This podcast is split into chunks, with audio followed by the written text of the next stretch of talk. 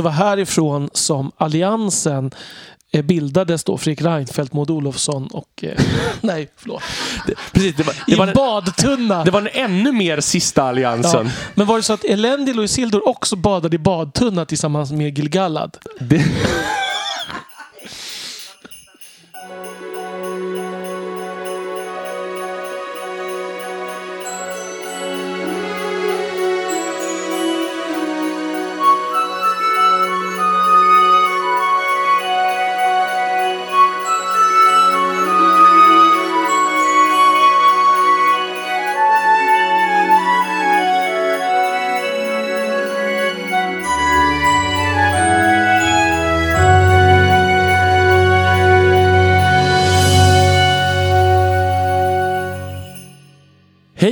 och välkomna till det nionde avsnittet av Tolkienpodden och också det första avsnittet för 2018. Så vi hoppas att det kommer bli ett trevligt nytt år och att ni kommer följa med oss under alla de avsnitt som vi kommer att spela in under det kommande året också. Vi tackar så jättemycket för att ni har hängt med och varit så intresserade lyssnare så här långt. Och det här avsnittet hänger ju faktiskt ihop just med våra engagerade lyssnare. Eh, Det här avsnittet går ut på lyssnarfrågor. Vi har under de senaste veckorna fått in en hel bunt frågor, eller de senaste månaderna har vi fått in en hel bunt frågor faktiskt. Och vi tänker försöka svara på dem så gott vi kan. Och precis som alla gånger förut så består podcastens ensemble av mig, Adam Westlund. Och mig, Daniel Möller. och mig Elisabeth Bergander. Då tänkte vi börja med första frågan som vi har fått här eh, och den är från Fredrik som undrar vilken karaktär i Sagan om ringen identifierar ni er själva mest i och varför? Det är en ganska spännande fråga och kanske låter lättare än vad den är att besvara. Ja, för det är inte riktigt samma fråga som vilken är din favoritkaraktär? Det skulle vara lättare tror jag faktiskt. Min spontana tanke när jag, när jag läste frågan var kanske Bilbo faktiskt. En eh, lite bekväm eh, insutten person som tycker om livets goda men ändå på något sätt roas av tanken på äventyr, åtminstone i teorin. Det, ja, det är nog ganska mycket jag faktiskt. Jag kan lägga till att jag också tycker om det här med, eh, ju, med böcker och kartor och sånger och berättelser som Bilbo tycker om. Så det är inte bara det här att han sitter hemma och äter. Utan, utan även faktiskt det här lite mer poetiska hos Bilbo. Ja, vad säger du Adam? Ja, hur ska man kunna toppa det där? Så? Det är min spontana reaktion. Nej, jag känner lite samma sak som Daniel, att eh, jag inte riktigt vet... Alltså det hade varit mycket lättare att svara på vem min favoritkaraktär är. Eller kanske vem man skulle vilja vara lik, Ja. fast kanske inte riktigt är det. Man skulle väl vilja vara eh, Faramir, typ. Alltså Tolkien själv ville vara Faramir, men Faramir är ju liksom sympatisk och modig och ödmjuk och godhjärtad och rättvis och ja, hela faderullan. Um, det, jag tror, har inga som helst uh, tankar om att jag skulle nå de höjderna. Men, men det är väl någon sorts hur man skulle vilja vara. Jag vet inte. På något sätt så kanske jag tycker att jag är lite lik Frodo. Jag vet inte. Han har det här lite så här hur ska man formulera det? Han har eh, ett, det- ett lite lillgammalt drag i sig kanske, som jag kan känna igen mig lite grann. Och jag tycker också Frodo har den här lite intellektuella nivån jämfört med de andra hobbitarna som, som jag liksom kan Du menar inte Pippin? Ja, nej, eh, fram, kanske framförallt inte i filmerna då, men nej, men jag vet inte. Jag tycker egentligen så tror jag inte att jag läser Tolkien riktigt på det sättet. Jag tror att jag identifierar mig mer med karaktärer i andra böcker, men jag läser Tolkien mer som någon sorts mytologiska berättelser eller alltså, det är inte riktigt på det sättet som jag uppskattar det tror jag. Jag tycker man kan känna igen sig kanske i delar av personer. Man kan känna igen sig lite i delar av Mary, kanske. Inte alls i andra. Eh, kanske lite i Win. Eventuellt. Fast samtidigt så, så måste jag nog hålla med dig där. Att det är jättesvårt att tänka sig som en person. Att påminna om den egentligen. Jag tycker ärligt talat att Tolkien inte är en fantastisk person eh, Eh, byggare på det sättet. Det är inte alls hans största styrka som författare. Jag tycker jag har läst väldigt många författare som är bättre på att skildra personers psykologi än vad Tolkien är. Vi går vidare med en fråga som vi har fått av Tommy och han skriver så här. När man går in på olika Tolkienforum så är en återkommande fråga vem vinner i en strid mellan en drake och en balrog? Exempelvis Durins bane eller Smaug. Vad tror ni? Jag tror att jag skulle nog sätta mina pengar på balrogen, men eh, jag är inte säker. Jag kan inte riktigt säga varför. Min spontana känsla också är en balrog som ju lite mindre av ett fysiskt väsen ändå, tänker jag. Eftersom det är någon slags andeväsen i någon slags fysisk gestalt som vi redan varit inne på. Jag har lite samma känsla att en balrog är någon typ av liksom demongestalt medan draken är en konstruktion inne i världen. Um, det är lite oklart exakt hur, men, men drakarnas fader Glaurung kom ju till ganska sent. Uh, så balrogen är betydligt äldre och hos Tolkien är ofta äldre synonym med mäktigare också faktiskt. Så att jag tänker kanske på något sätt att även om draken skulle vara ett hot så skulle Balrogen kanske inte, vad ska man säga, den skulle inte behöva strida. Eller eh, förstår du vad jag menar? Det är på något sånt sätt känns det. Kanske beror på var själva striden skulle utspela sig. Mm. Upp i luften? Uh, ja, förstås. Vi har ju pratat om det här med strutsvingarna förut så att uh, där hade, har ju draken en klar fördel. Men uh, jag tänker också att om vi går till, till Silmarillion där Melkor eller Morgoth blir besegrad så är den, den största segern, individuella segern som nämns är ju att Earendil i luften besegrar Ankalagon the Black, den mäktigaste av drakarna. Och det skulle kanske kunna vara ett argument för att drakarna skulle vara farligare eller ha större potential. För det är en av de saker som plockas ut ur den striden som viktiga.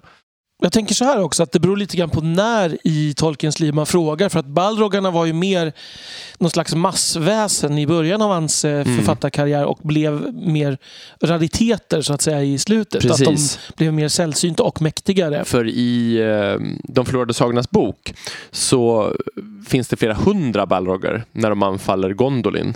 Men i någon av de sista anteckningarna han gör i frågan så bestämmer han sig för att det bara ska ha funnits sju Balrogar. Men visst är det också så att olika drakar är olika mäktiga och eh, imponerande? Absolut. absolut. Ankalagon ska ha varit den mäktigaste draken. Det finns fyra namngivna drakar i Tolkiens värld. Ankalagon, eh, som bara är nämnd då.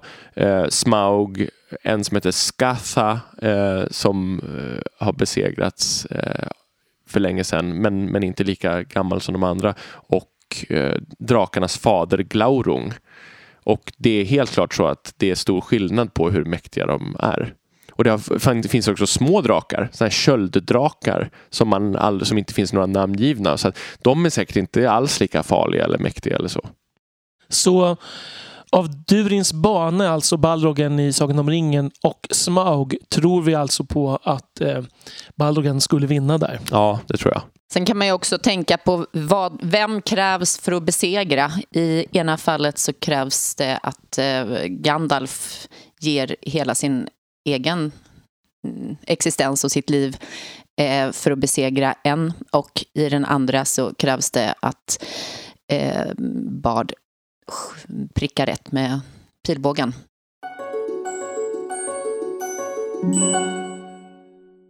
Ja, då kommer vi till en lite större och betydligt tyngre fråga. Ehm, den har ställts från flera håll, bland annat av Tommy som vi har refererat till förut, men också av Al, eller hur, det, hur namnet nu ska uttalas.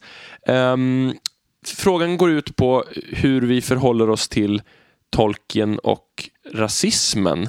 Det vill säga hur hur de rasistiska tendenser som man kan hitta i Tolkiens värld, hur vi tolkar dem, om vi menar att han mest var ett barn av sin tid eller eh, att han eh, faktiskt hade liksom fascistoida tendenser.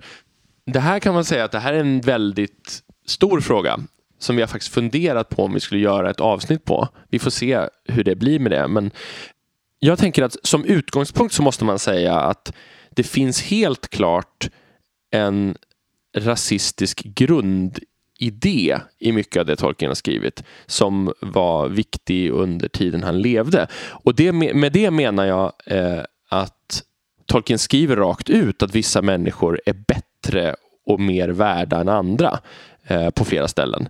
Till exempel eh, “The blood of Numenor was mixed with that of lesser men” och liknande citat. Ja, precis. För det är inte mindre värde utifrån några, några, någon, någon slags eh, säga, miljöpåverkan eh, utan det här är nedärvda egenskaper ja, precis. vi pratar om. Och det är också väldigt tydligt att vissa, alltså ett visst blod för med sig egenskaper även liksom i familje, alltså på det lilla planet. Mm. Eh, och att man är förutbestämd och, och har ett visst öde om man är släkt med den eller den.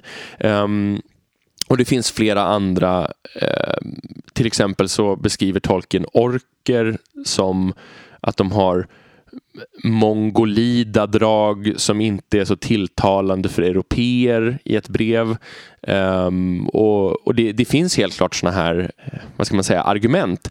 Dessutom så ser ju Tolkien på språk på det här sättet. Att han pratar om turkiska som ett barbariskt språk och han, det finns en kulturell rasism i detta också kan man säga om vi ska titta med andra glasögon. Sen kan man se också att det nordiska är anses finare och mer liksom, alltså man, om man tittar på beskrivningen av striden mellan Theoden och, och Saurons kavalleri av, av män från, från eh, söder och öster så är det ju ganska påfallande att liksom den, eh, den vita vredeselden från männen från norr, att den är liksom överlägsen och sånt här. Det, mm, det finns ett hel del såna här drag tycker jag. Samtidigt kan man inte tänka att den här eh, faran från öster också skulle kunna handla om just nordiska länderna eh, om man ska eh, översätta det till, till verkligheten? Ja, kanske. Fast å andra sidan så är östringar väldigt tydligt. Jag har gått igenom det där väldigt noga och liksom, de, är väldigt, de, de framstår som väldigt Mellanöstern-baserade. Alltså det finns väldigt mycket turkiska eller hunniska eller liksom sådana drag i, i the Easterlings som folk hos Tolkien. Det verkar inte vara ryssar, om det är det vi pratar om. Liksom. Ja, samtidigt när, när Tolkien just om vi ska bemö bemöta med Tolkiens egna ord här, eller åtminstone parafrasera hans egna ord, så eh, när Tolkien fick den anklagelsen om att norr är så himla fint så säger han att ja, fast det är ju i norr ondskan bor i min värld. Ondskan kommer från norr. Mm. Eh, Helvetet ligger i norr. Ja, precis. Och snarare att någon slags centrum som han såg det, det ligger någonstans nere vid Medelhavet om man skulle översätta till vår värld. Minas alltså, Tirith är Rom. Ja, precis. Så man, han tänker liksom Rom eller Bysantium eller Egypten för den delen tar han upp. Eh, han, han hade bemött det på det sättet tror jag. Precis. Även om det förstås finns mycket som talar emot honom i det här fallet. Också. Och sen om, om vi går till Tolkien som person så vet vi att han var inte för demokrati. Han tillhörde väl det vi idag skulle kalla för konservativ, äh, auktoritärt konservativa som trodde på ett gammaldags samhällsskick. Eh, han hade vissa dragningar åt det fascistoida. Vi vet att han uttrycker beundran för Franco till exempel i, i något sammanhang. Eh, men å andra sidan så är han väldigt negativ mot Hitler i många av sina brev. Han eh, tycker att liksom, Nazityskland besmutsar det han tycker är fint med med liksom det nordiska och det finns också flera liksom, brev till Christopher till exempel där han ondgör sig över hur, hur de svarta behandlats i Sydafrika under apartheid och sådär. Ja, han vänder sig faktiskt väldigt mycket mot just ordet nordisk, alltså nordic. Eh, han skriver i ett brev att det är ett ord han, han verkligen tycker illa om eftersom det associeras med rasist, rasistiska teorier. Om man skulle frågat honom om han var rasist skulle han helt klart ha sagt nej.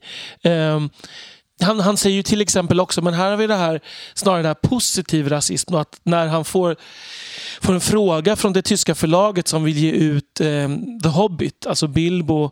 Eh, då fråga, det här är alltså på 30-talet, så frågar de om han kan skicka något intyg på att han inte har något judiskt påbrå. Då skriver han ju ett eh, eh, vilket ju hedrar honom. Han vägrar ju lämna ifrån sig något sånt intyg. Han skriver att Tyvärr har jag inga judiska släktingar och, men om ni med arisk menar att jag inte eh, har någon, någon koppling till det mycket intelligenta judiska folket, något åt det hållet. Och det är ju helt klart någon sorts, vad ska man säga, särskiljande exotisering eh, från hans sida ändå. Men å, å andra sidan är han väldigt arg över eh, intentionen hos nat det nazityska förlaget. Ja, det är en argumentation man också kanske tar till för att verkligen signalera att man tycker att det är en helt befängd eh, eh, förfrågan de kommer med. Och, och, jag förstår också att det här, om jag minns rätt så är det så att det utkast till, till svar som vi har, det var det som inte skickades. Och jag tror att det, det papper som faktiskt skickades var den argare varianten. Det är ju svårt, tänker jag, det här med att vara, eh, var gränsen går mellan att kanske eh, anses vara rasist eh, och att vara barn just av sin tid. Eh, för att det här eh, måste ju ändå vara eh, på något vis ett sammanhang där det oreflekterat eh, uttrycktes andra saker än vad som skulle accepteras idag. Om vi går tillbaka till det här brevet då till, de, eh, till det tyska förlaget så skriver han till det, sitt engelska förlag att han ju tycker att eh, hela rastanken är, är ovetenskaplig. Vilket ju då också talar emot en del av det han faktiskt skriver i sina böcker. Jag tror att man kanske får skilja på detta mytologiska sätt att se på blod. Om man tänker på, om man ser Aragorn som en parallell till kung Arthur som ju, som ju blir kung för att han har kung Uthers blod i sina ådror. Det är ju snarare på det sättet man får se det. Sen i verkligheten är det inte säkert... I verkligheten var nog Tolkien kluven skulle jag tro. Att han ser nog på monarken som någon som har kungligt blod i sina ådror. Men, men frågan är vad det betyder för gemene man på gatan. Och det är också en intressant tanke, eh, det här vad handlar om rasfråga och vad handlar om eh, tanken att, att man har en hierarki eller en struktur i samhället som bygger på att det finns ett släkte som är viktigare än övriga. men jag tänker just det här med Nomenor är ju kanske ändå ganska tydligt att liksom det är en helt folk som är rasmässigt överlägset och alla som härstammar från dem sen är bättre på allting än alla andra. Det är svårt att motsäga att det är en grundbult i hans sätt att se världen. Och det, ja, det, här, det här stämmer ju det du säger. Men samtidigt så är det väldigt tydligt, det har jag läst i någon bok som jag har glömt vem som har skrivit. Eh, och det är just att Ringens brödraskap är ju pluralism. Alltså det är att de behöver vara representanter för alla de här folken mm. för att kunna besegra ondskan som ju är en ring, ett öga. Det kan jag hålla med om, men vi ska också komma ihåg att det är inga orker med i Ringens brödraskap. Alltså, det är väldigt tydligt att det, det finns liksom ett folk som är under, alltså som står under människan också som är liksom mm. rasmässigt omöjliga. De har inga positiva egenskaper. Och... Nej, men, men det är också väldigt svårt att jämföra det med verkliga världen för orkerna är ju skapade av Ja, de är framtorterade ja. Mm. Precis. Och det är ju en annan, väldigt annan... Alltså, han är ju väldigt tydlig med att de här sydröna folken, östringarna, inte är onda nödvändigtvis av naturen mm. utan att de är lurade av Sauron eh, eller helt enkelt allierade med Sauron av politiska skäl. Ja, eller tvingade i, i vissa fall. Och Tolkien tar ju faktiskt upp det själv i eh, The Two Towers där han skriver om eh, just Sams första möte med krig mellan människor. Där en av södringarna dör precis eh, intill Sam och Sam funderar, jag, nu citerar jag här ur Erik Anderssons översättning.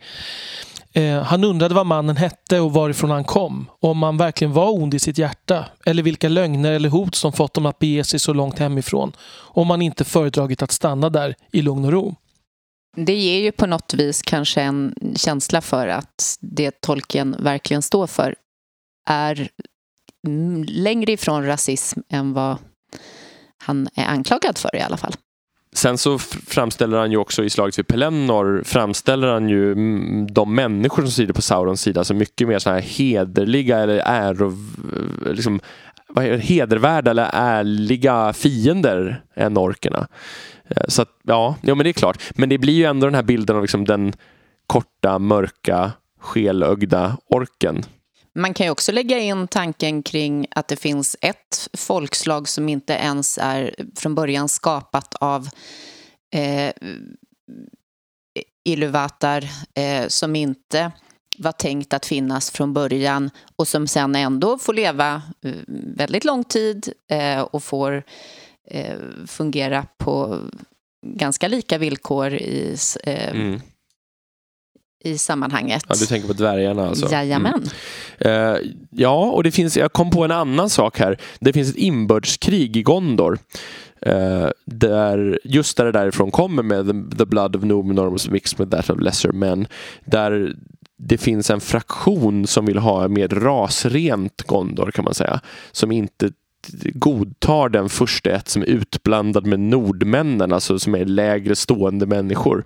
Eh, men där kan man, det är ganska tydligt att de goda är de som är för de här blandade och de som är för att Gondor bara ska ha kvar det oblandade blodet, de är helt klart de onda i den konflikten. Ja, vi ser ju också att vi har en del äktenskap mellan människor och alver som ju Mm. som framhålls som något positivt även om det finns då rasister i berättelsen som ju inte tycker att det här är positivt. Mm. Vi har pratat vid tidigare avsnitt om eh, Gamburigan, den här eh, stereotypa ädle vilden som dyker upp i Sagan om ringen. Och där tycker jag ju verkligen, apropå frågan vi har faktiskt har fått, att Tolkien är ett barn av sin tid. Att det, det är på något sätt nästan som eh, som de ädla indianerna i vissa så här, indianromaner från tidigt 1900-tal känns det som. Eller Jules Verne eller Ja, ja men precis. Mm. Så att ja, han är ju helt klart ett barn av sin tid. Det måste man ju också ha med sig. Man kan ju inte läsa Tolkien och förutsätta att han ska skriva som en modern författare. Det gäller ju alla författare som levde i en annan tid än vår. Ja. Men jag tycker det intressanta och relevanta nästan här snarare hur läser man Tolkien idag med allt detta arv. Alltså det finns ju väldigt mycket som är problematiskt och det måste man vara medveten om och läs, antingen blunda för eller säga att ja, men det här finns här och det är ett problem. Jag håller inte med om det här men jag tycker att de positiva sidorna i böckerna överväger ändå. Alltså jag tycker rasismen är ju en sån sak. Jag tycker att kvinnosynen är ju en annan. Brukar man lyfta fram Eowyn som hon är ju så stark och så. Ja, men det slutar ju faktiskt med att hon väljer att bli hemmafru i mm. princip. Mm. Och det är, ses som något gott. Så man måste, kunna, man måste läsa tolken, ha med sig de här sakerna och sen välja att jag läser ändå men just de här sakerna är problematiska.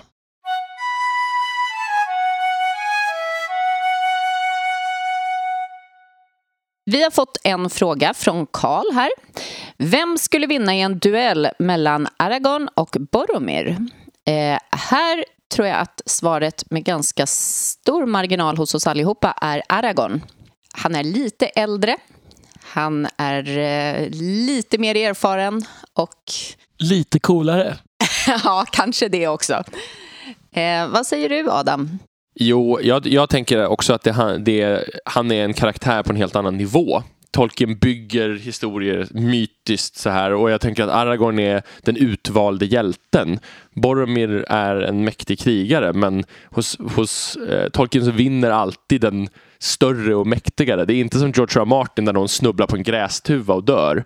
Utan det är liksom, ja, det hade bara funnits en utgång. Och det utan att ta ifrån eh, Boromir några... Han, han var en stor krigare och han hade många förtjänster. Ja, vi har fått en till fråga här från Al och han skriver Vad vore ert val av Ringens brödraskap? Skulle Glorfindel lämpa sig bättre än någon av de andra? Skulle Radagast vara ett bättre val än en av hobbitarna? Ja, hur tänker vi där?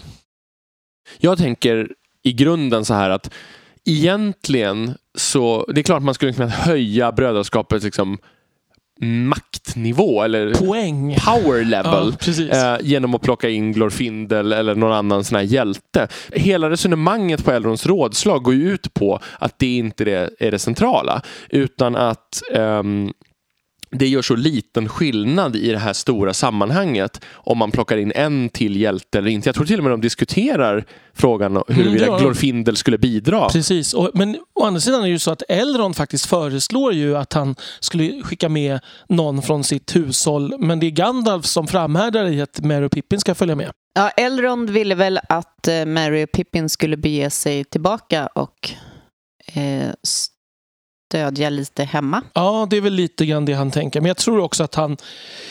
Gandalf är väl den som kan se framåt lite grann. Eh, Inte så att han har får visioner, men att han kan se framåt lite vad som kan komma att krävas på vägen. Han säger ju det att vi ska nog lita mer till vänskap än till makt i strid här. Precis, och man kan ju fundera på vilka implikationer det hade fått om Mary Pippin inte hade fått vara med.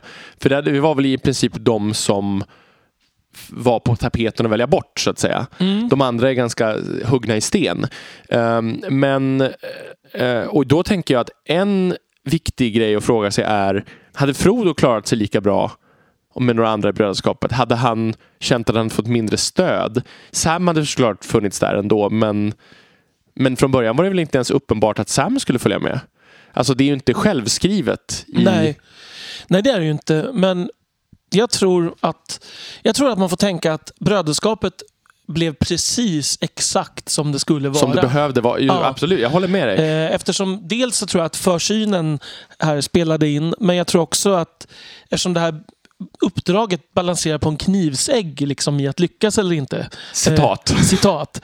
Då så kan jag tänka mig att ändrar man en parameter så hade också ehm, eh, effekten blivit en annan. Och jag tror så här också med fast i hand. Legolas, Legolas säger ju Tolkien själv är den som uträttar minst i brödraskapet. Så hade man bytt ut Legolas mot en annan alv av någon generisk alv så hade det säkert inte spelat så stor roll. Nej. Tänker jag. Men eh, Mary och Pippin tror jag är väldigt avgörande på väldigt många punkter. faktiskt. Mm, absolut. Och jag menar, de finns ju hela tiden där berättelsen är som, som viktigast kan man säga. De följer, Mary följer med i Rohans ritt. Ehm, han, han bidrar till att besegra häxkungen. Uh, Pippin räddar Faramir från att bli uppbränd. Det är också så att Pippin släpper den där stenen i Moria som, som väcker fienden som gör att Gandalf faller ner och sen återkommer som den återuppväckta Gandalf vit, vilket hade fått enorma implikationer om det inte hade hänt. Ja, och där är det ju någonstans för att man kan ju tänka sig att Pippin där ses som den som sabbar och förstör. Eh, men frågan är om det inte istället eh, är det som gör att det blir någonting ännu större efteråt. Jo, det är det som avgör där. Jag tänker också att hade Mary och Pippin inte följt med då hade Boromir sannolikt inte dött. Och, eller i alla fall inte på det sättet. Och då hade Aragorn och Boromir färdats tillsammans eh, antagligen till Minas Tirith då eftersom Aragorn inte hade behövt jaga efter Mary och Pippin. Och då är frågan konflikten mellan Aragorn och Denthor, hur hade den sett ut? Eh, det kanske är så att det är just Boromirs död som gör att det blir möjligt för Aragorn att komma in och så småningom ta över som kung. Ja, absolut. Men sen invänder jag lite där. Är du säker på att det hade hänt? Det hade kunnat bli så att Aragorn hade tvingat ur Boromir sanningen och Boromir inte hade varit döende så hade han kunnat se det på ett annat sätt. Att han försökte stjäla ringen av Frodo. Vi kanske hade fått en showdown istället. Kanske, fast jag tror inte det är säkert att Boromir hade avslöjat sanningen. För det gjorde han ju faktiskt inte. Utan det som hände var att brödraskapet blev attackerade och Mm. ehm, det är möjligt att sanningen kanske hade kommit fram förr eller senare. Men jag tänker att om Gandalf hade varit kvar fortfarande i det scenariot. Ja. Då hade han nog kunnat se det. Precis. Alltså tänker jag mig. Mm. Det är möjligt. Men, men det är så många om på vägen Ja. här. Så att, Men det, där finns ja. Mary och Pippin med i Ja. alla dessa om och men. exakt. Exakt. Sen har vi, får vi inte glömma att Mary och Pippin är ju de som, även om det inte går till som i filmerna, så är det ändå de som sätter igång enternas anfall mot. Isengård. Och då hade hade Isengård inte förstörts hade Saruman gett sig in med sin armé i striden på ett helt annat sätt och då hade västerns herrar fått utkämpa något slags väldigt jobbigt tvåfrontskrig. Vilket de inte hade klarat. Nej, speciellt. De hade ju då inte kunnat eh, dra uppmärksamheten från Sauron och då hade Frodo inte kunnat förstöra ringen. Nej. Så egentligen kan man säga att Pippin och Mary förstörde ringen. Egentligen så är de två de absolut viktigaste personerna på hela det här eh, företaget. Ja, men det är väl som Daniel säger från början att, att det var det enda sättet det kunde gå på kanske. Och att de här, alla de här små detaljerna hade gett så mycket följdeffekter att, att det hade gått på ett helt annat sätt åtminstone. Och att det är gruppen som är styrkan. Det är inte individens intelligens och styrka utan det är eh, de små delarna som utgör helheten. Precis. Alla behöver inte vara power level 70.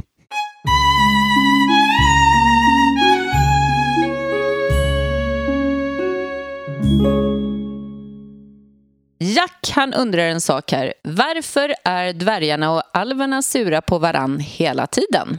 Peter Jackson lanserar ju en egen förklaring på det här som inte har någon som helst stöd i böckerna. Därför att han behöver förklara konflikten lite enklare än eh, Tolkien har gjort. För att det, är ett, det här kommer bli ett någorlunda långt svar.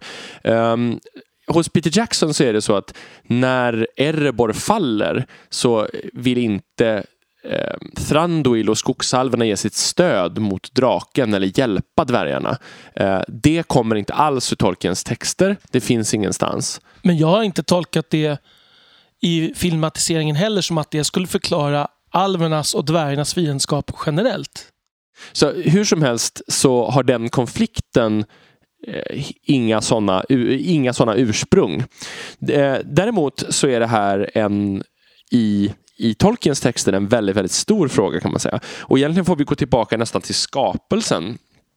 För det första så är alverna Iluvatars första barn, alltså de är utvalda av Gud. Medan dvärgarna är skapade av Aule, en av Valar, alltså en av de här lägre gudaväsena under, eh, under den riktiga guden.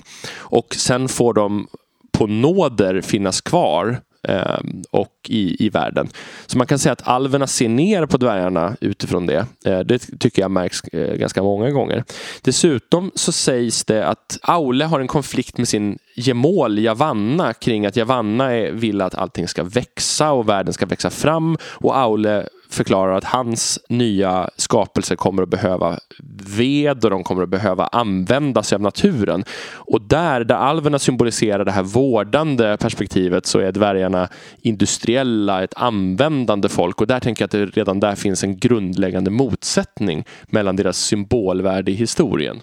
Står det inte också att de faktiskt, eh, i och med att de finns, eh, får finnas kvar eh, men inte får vakna förrän alverna har kommit så, så uttrycks det också att de kommer att ligga i konflikt med varann. Ja, nej, det, är inte, det, står, det uttrycket med vad de kommer ligga i konflikt mot, det är mot enterna. För Javanna går till Manwe och ber om att få ett motmedel mot dvärgarnas avverkning som kommer att komma. Och då får han en vision från Gud att enterna kommer att vakna för att vara liksom träderna, trädens herdar. Men helt klart så finns det ju, det du säger om att de ska få vakna eh, senare, det stämmer. Att alverna är utvalda att vakna först och dvärgarna får inte komma till innan dess för då tar de deras plats lite grann. Men det fortsätter sen. Under första åldern, alltså den historia, historia som berättas i Silmarillion, så stöter alver och dvärgar på varandra och de har en ganska avvaktande relation. Det är en, någon freds... Eh, kontakt men oftast tycker de, verkar de inte tycka särskilt mycket om varandra. Fast eh, är det inte så att dvärgarna innan att de har en ganska bra relation med eh, eh de alver som är i Doriath? Ja, okej. Okay. Alltså, den är inte säkert, den är inte hjärtlig, men den är, de har en ganska bra kontakt. Eh, däremot kan man se att vi olika alver verkar ha olika bra... Alltså Noldor har sämre förhållande med dvärgarna. Eh, dock så eh, och då, det varierar också mellan dem. De nollor som slås ner i öster har bättre kontakt. Några av Fëanors söner till exempel. Men här är det ju också en del av den här, vad ska man säga, en del av den här rasismen som finns inomvärldsligt. Mm. Att, att alverna ser ner på dvärgarna på alla sätt och tycker att de är fula. De är, för att de är korta och skäggiga och krumma Mm. och, och allt det där. Så att det, det finns en, den här avskyn, den går verkligen igen på så många plan. Men sen så finns det faktiskt en lite mer, Tolkien skapade faktiskt en mer genomgående motivering också i slutet av sitt liv som finns i War of the Jewels i eh, History of Middle-earth. För i Silmarillion så framträder ett folk som inte finns någon annanstans som kallas för Petty Dwarfs, smådvärgarna. Deras ursprung, de är kortare och mindre eh, än de andra dvärgarna och de befinner sig ute på vandring snarare än att leva i någon av dvärgarnas städer i Beleriand. Och de, de, de stöter vi på i berättelsen om Torin Torambar där dvärgen Mim och hans två söner är de sista tre återstående av smådvärgarna.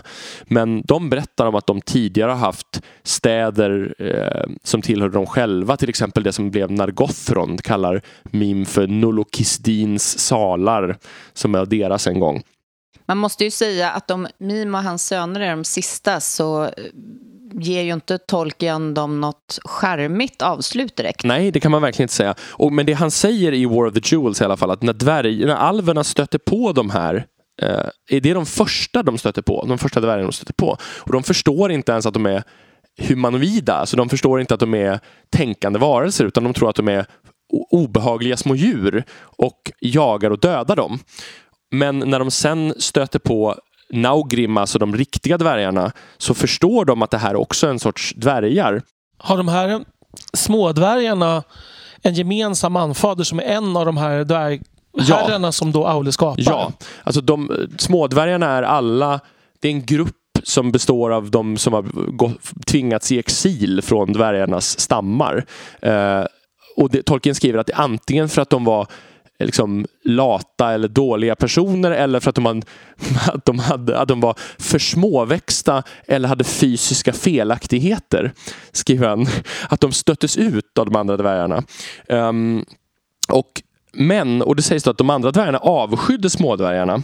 Men de var ändå arga på alverna för att de hade mördat och jagat dem för att de liksom erkände ändå släktskapen till de här. Och det skriver Tolkien i slutet av sitt liv som en sorts liksom, retconning är den första delen av den här konflikten. Ja, precis. Det låter som... Det är typiskt den gamle tolken att, att nyansera och på något sätt ge försonande ursäkter till, till eh, varför saker och ting, varför folk, folk begår fel eller är elaka. Mm. För han eh, låter ju till exempel Galadriel, hon är ju längre och längre ifrån den här eh, scenen där de där Noldor-alverna dödar alla Mm. mm. till alverna och sätter eld på deras skepp till exempel. Ehm, så det är ju ett sätt också att ursäkta Beteenden. Ja, precis. Men man ska väl säga att den viktigaste händelsen där det här bryter, eh, där, där alverna och dvärgarna liksom hamnar i stor konflikt i Silmarillion, det är när alvkungen Thingol mördas i sin egen hall av dvärgarna från Nogrod. Och det är en konflikt över en av de här silmarillerna som historien berättas om. Dvärgsmederna har plockats in för att smida ett eh, smycke till ehm, till Silmarillen och det blir konflikt kring betalningen. Uh, Thingol hånar då dvärgarna och blir nedhuggen i sin egen hall. Och det slutar sen i en, ett krig mellan dvärgstaden Nogrod och Doriath där dvärgarna besegras. Det känns ju ändå faktiskt ganska schysst och rättvist av Tolkien att han ger eh, obehagliga och otrevliga drag hos samtliga personer eh, ifrån samtliga folkslag. Ja, kanske inte samtliga personer och samtliga folkslag, men ändå, men ändå många personer i, i varje folkslag. Jag håller med.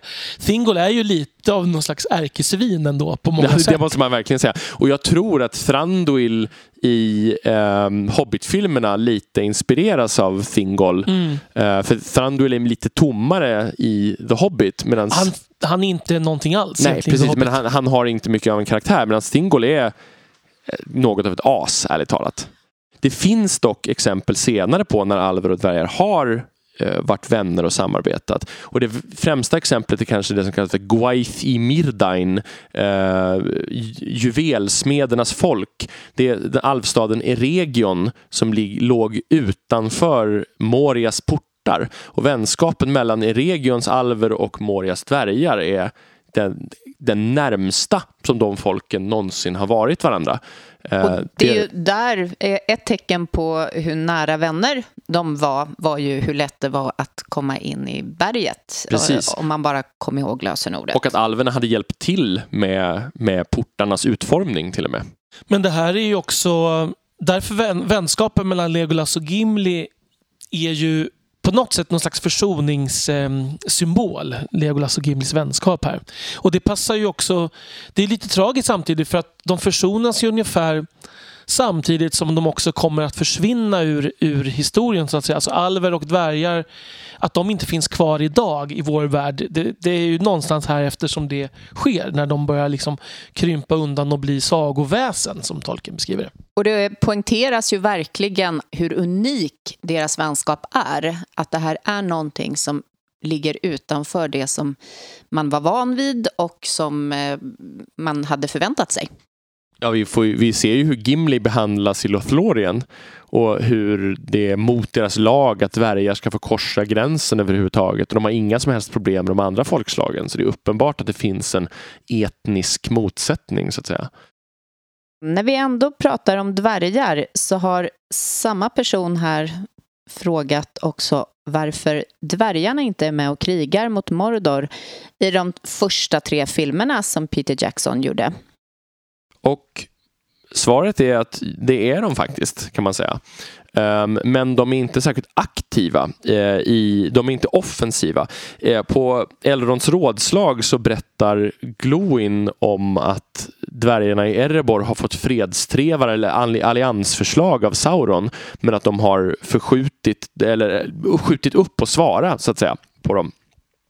Men i Ringens krig sen så anfaller Sauron inte bara Minas Tirith utan det kommer arméer mot ett gäng andra ställen. Och ett av de ställen som anfalls är Dal, människostaden Dal och dvärgstaden Erebor. Och där faller kung Brand av Dal som är Bard bågskyttens sonson tillsammans med dvärgkungen Dine Ironfoot. De dör båda i The Battle of Dale och sen när de besegras av en armé som huvudsakligen består av människor från östern eh, och orker. Och sen drar sig de överlevande in och blir belägrade i berget. Men när Sauron besegras på Pelennors slätt och framförallt eh, senare då så flyr den här armén österut när de får höra om nederlaget. Och det var faktiskt ganska nära att det här kom med i filmatiseringen. Inte hela slaget, men de hade tänkt ha med en scen när, när eh, Frodo sitt, tar på sig ringen i slutet av första filmen och sitter uppe i, i seendets säte. Jag vet inte vad svenska översättningen är, men där sitter han i alla fall. Då i eh, böckerna får han en vision av vad som händer på olika delar, olika platser. Och bland annat så ser han hur olika länder attackeras av Saurons arméer. Och här hade man, vad jag förstår, en idé om att, att eh, visa vissa av de här striderna. Men det blev helt enkelt så att det skulle ha tagit på något sätt fokus från huvudstoryn här så man valde att ta bort det. Mm. Så att eh, det var ett medvetet val att ta bort och det för att inte krångla till historien helt enkelt. Men vi kanske ska tillägga ändå, om man vidgar den här frågan lite, att dvärgarna ändå är det, ett, alltså precis som människorna är ett folkslag som är kluvet i de olika konflikterna. Genom, alltså alverna står nästan hela tiden på ändå strider mot mörkret, även om individuella alver är o, obehagliga personer. Så medan dvärgarna är, strider inte alla på rätt sida eh, och det finns de som helt håller sig utanför konflikterna. Så dvärgarna är lite mer nyanserade på det sättet som, som folk betraktat. Och de är mer, verkar variera mer mellan olika dvärgarnas sju folkslag. Det finns liksom sju fäder hos dvärgarna. Och den Eh, de som eh, har byggt Moria, du, Dorins folk, de är de, de godaste, om man ska uttrycka det så. Då kommer vi till en tredje fråga inskickad av Tommy som, går, som frågar om vad vi tycker om de författares alster eh, som har valt att bygga vidare på Tolkiens världsbygge, till exempel Nick Peromoff. Och den enda av oss tre som har läst den är väl Daniel, så vi bollar väl till dig i första hand. när jag började läsa den så var, hade jag, tyckte jag att det var lite spännande och lite intressant faktiskt. Vad, vad skulle han kunna göra av det här? Men tyvärr tyckte jag att själva boken var ganska dålig. Så att för mig är det nog så att det beror på vad man gör av det. Så att säga. Är det en bra bok så är det en bra bok, tänker jag. Eller en bra film, eller en bra, vad det nu är liksom, man bygger vidare igenom. Men är den dålig så är den dålig. Jag ser det inte som så heligt. Och jag, jag tänker också att tolken själv, han var ju väldigt kluven inför det här. Vi har ju Eh, att dels så var han ju väldigt fientligt inställd till folk som tog sig friheter med hans verk. Samtidigt som han sa att det här är bara en värld jag har skapat. Sen ska andra fylla den med poesi och dramer och musik och sådär. Så att han hade nog en väldigt kluven inställning eh, till det. Eh, jag tänker nog att det är en värld som är väldigt fri och öppen han har skapat som man kan förhålla sig till och man kan bygga vidare på. Ehm, och gör man det bra så visst. Jag tänker också att han själv var ju väldigt inspirerad eh, och använde många olika sägner, sagor, myter eh, och så vidare för att bygga sitt eget verk. Så att helt främmande från att andra sen ska använda hans värld för att skapa vidare kan ju inte vara total omöjlighet. Så jag är ganska bokstavstrogen när det gäller sånt här. Jag har väldigt svårt för det. Jag äger den här boken för jag fick den i julklapp någon gång men jag har inte ens öppnat den. Jag klarar inte av det. Boken heter väl Alvklingan? Ja, den första. Precis. Var, han har släppt flera stycken. Ja, jag läste inte vidare sen eftersom jag inte tyckte det var bra. Nej. Jag läste bara första boken. Men det finns flera sådana här för, förvånande många ryska projekt tror jag. Det finns någon annan som har skrivit något som heter The Black Book of Arda som är Silmarillion ur Morgoths perspektiv till exempel. Det är också en rysk bok. Det är väl för att upphovsrätt inte står högt i kurs i Ryssland. Nej, precis. Nej, alltså jag, jag klarar inte riktigt av det. Alltså det är till och med så när jag spelade rollspel i, i vet det, i Midgård så stryker jag nästan allting som, in, som spelskaparna har hittat på. Och sen så bygger jag ut själv. För jag tycker att man på, alltså jag har en ganska bestämd uppfattning om vad... För att du hittar på bättre saker? Ja, precis. Jag, jag har en ganska bestämd uppfattning om vad Tolkiensk eller Tolkiensk känsla innebär. Och då tycker jag mina påhitt eh, för mig, för, såklart ur mitt perspektiv, känns mer, eh, vad ska man säga, förenliga med materialet. Men jag tänker att just eftersom att Tolkiens kan betyda olika för olika människor så och det, just eftersom han skapade en värld som har så mycket öppningar åt olika håll så tänker jag också att man kan närma sig material på så många olika sätt. Att hitta olika ingångar. Och, så det är inte säkert att det som är Tolkiens då för dig är Tolkiens för någon annan. Nej, absolut inte. Men jag tror att jag är mer känslig på den punkten. Alltså att jag tänker mer på vad som är Tolkienskt än vad gemene läsare gör. Å andra sidan så gick ju Tolkien emot sig själv lite nu och då så att Tolkiens kan ju vara... Absolut, men jag tycker ändå att det finns någon sorts stämning eller känsla. Jag tycker till exempel om, om man sett om man, om man skapar ett äventyr eller en berättelse eller någonting som går ut på eh, sån här politiska intriger alla Game of Thrones. Det tycker jag för mig är helt otolkenskt och existerar i princip inte i Midgård överhuvudtaget. En besläktad fråga har vi ju fått av Lee och han han undrar vad för material relaterat till Tolkiens verk och världar har gett er mest upplevelsevärde utöver böckerna? Till exempel spel, filmer, musik och konst och så vidare. Det är en väldigt intressant fråga. Om jag börjar utgå från mig själv så, så är det ju, måste jag ju säga att filmerna av Peter Jackson är det som har gett mig mest upplevelser. Det är jätteintressant att höra för jag hade gissat på musik i ditt fall faktiskt. Ja, om det hade funnits så mycket som jag hade tyckt var bra. Ja. Eh, men så att man kan se det så här, tänker jag. I frågan också finns det ju vissa saker bygger ju direkt på tolken och vissa saker kan man ju härröra som härrör från tolken. Det är två olika saker. Och filmerna, om man tänker det som bygger direkt på tolken, är det som är gett mig mest upplevelser. Sen tycker jag ju att båda radiodramatiseringarna från BBC och Sveriges Radio är väldigt bra. Men om man tänker lite vidare så visst, det finns bra Tolkien-inspirerad musik. Um, Vi kommer troligen göra ett avsnitt om det också någon gång i framtiden. Men om vi, jag tänker så spontant på Bo Hansson till exempel. Um, och ja, och lite så löst då Led Zeppelin till exempel kan man nämna. Filmmusiken är ju väldigt bra. Det finns en musikal som är sådär.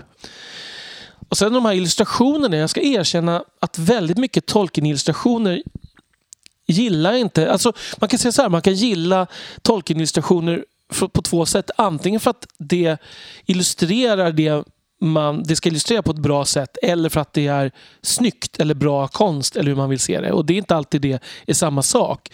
Jag är inte så jätteförtjust i Alan Lee eller John Howe. Det har vi pratat om förut. Jag tycker det är bra illustrationer av tolken. Men det är inte så himla spännande konst. Liksom. Då föredrar jag ju till exempel Tove Janssons illustrationer av The Hobbit. Även om det inte är speciellt bra som illustrationer så är det mycket mer intressant tecknat. Jag gillar till exempel den här Core Block som är från Holland som har gjort väldigt säregna Tolkien-illustrationer. De är väldigt märkliga men otroligt personliga.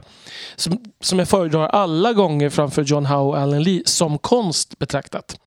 Jag tänker eh, fortsätta med mitt gissande då och tänker att Adam, du är ju mindre förtjust i filmerna men kanske är det musik hos dig då? Hos mig är det definitivt musik. Um, den, det, det, är ingen konkurrens om att det um, Tolkien-relaterade material som har gett mig den största upplevelsen utöver böckerna är Nightfall in Middle-earth av det tyska power metal-bandet Blind Guardian. Det är en, min favoritskiva genom alla tider. Det är en, eh, vad ska man säga, en tonsättning av Silmarillion i 22 spår. Men Ursäkta du, måste jag bara ifrågasätta här lite grann. Mm. Det är ju väldigt otolkenskt med metalmusik. Alltså, nu menar jag inte själva texterna utan Tolkien hade ju avskytt metal mer än någon annan musikstil på jorden skulle jag tro. Ja, det, det håller jag med om. Eh, men, men jag ser det inte så. Jag ser det som metal som berättar en bokstavstrogen historia. Ja. Metal är väldigt narrativt till skillnad från många andra musikstilar. Och det tror jag passar mig. För att man återger någonting istället för att liksom hjärta och smärta så mycket. Det, och, och det, jag skulle säga att även på andra och tredje plats så skulle det finnas olika skivor metalskivor. För Tolkien är väldigt stor inom metalscenen. Eh, som skulle, och det är många av dem som kom, kommer före filmerna för mig. Eh, men filmerna är väl klart tvåa efter det sen. Jag är ganska, jag är inte så visuell av mig så mycket av konsten berör inte mig så mycket. Eh, och när det gäller spel så uppskattar jag mycket av rollspelen som har släppts. Jag har inte, men jag har ganska svårt för många av tv och datorspelen, vilket vi kommer att återkomma till här i det här avsnittet. Jag ska ge en honorary mention till eh, rollspelet The One Ring som kom ut för några år sedan av Francisco Nepitello, tror jag han heter, italienare som har skrivit det. Det tycker jag är det överlägset bästa spel som har baserats på på Tolkiens värld som någonsin har släppts. Så att, eh, vet du, Tolkien metal, filmerna och rollspelet The One Ring är väl mina, ja, de saker jag uppskattat mest. Och mitt svar är inte alls spännande om vi ska vara ärliga, utan det handlar om de tre första filmerna och filmmusiken. När det gäller spel så har jag begränsat mig till att spela eh, Sagan om ringen Risk och det, den kommer definitivt efter filmerna. Just det! Eh, jag har ju framförallt spelat eh, Adams eh, tusen frågor. Eh. Adams eh, Trivial Pursuit med Tolkien-frågor. Det är, det är någonting vi kanske borde sprida vidare till, kanske skapa efterfrågan här så att det kan få ges ut. Eh, berätta lite om det projektet Adam som ett sidospår här. Eh, jo, alltså vi hade ju ett tolkensällskap där, där vi tre ingick och det var en ganska hög nivå på kunskaperna generellt. Så att vi hade frågesporter ganska ofta men jag bestämde mig för att eftersom mycket av det material som fanns på marknaden var lite för lätt för många i den här gruppen så byggde jag ett eget TP eh, baserat på samma sätt som Trivial Pursuit, alltså sex olika kategorier där jag bytte ut dem så att de passade in i Midgård. Och det tog flera år. Eh, 1200 frågor landade det på. Eh, så det ligger där hemma. Det har spelats ett antal gånger på våra träffar men det var ju länge sedan det användes senast när jag var med i den här podcasten Nördigt så hade jag med mig det här spelet så de fick ställa några av mina egna frågor till mig. Och det gick faktiskt sådär, för de var så fruktansvärt svåra och det, det var, då var, låg jag, fick jag hade lite otur med kortet. Men så. det är inte så kul med spel där man kan frågorna, alla frågorna på Nej, en gång. men heller. jag hade ju byggt dem. Det blir ändå lite annorlunda. Tanken var väl ungefär att folk på, på den här riktiga nördnivån skulle klara varannan fråga, var tanken ungefär.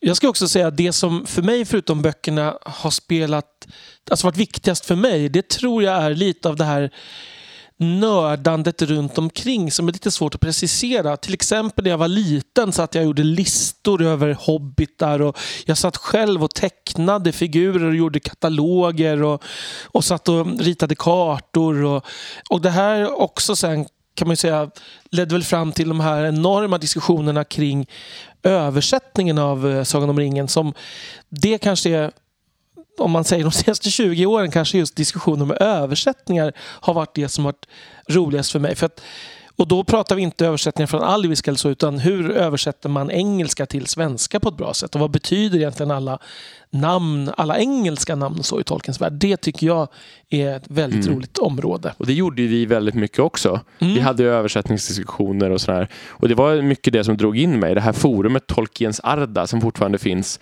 där vi alla tre var aktiva. Det var eh, ett av mina stora fritidsintressen i tonåren när det var riktigt aktivt. Ja, nu när vi ändå har pratat om det här så kan vi leda in på flera olika frågor som har att göra med just spel baserade på Tolkien. Andreas frågar vad vi tycker om tv-spel baserade på böckerna. Eh, till exempel vilka vi anser tillhöra kanon, vad vi tycker om de tolkningar och friheter man har tagit sig i olika eh, tv-spel.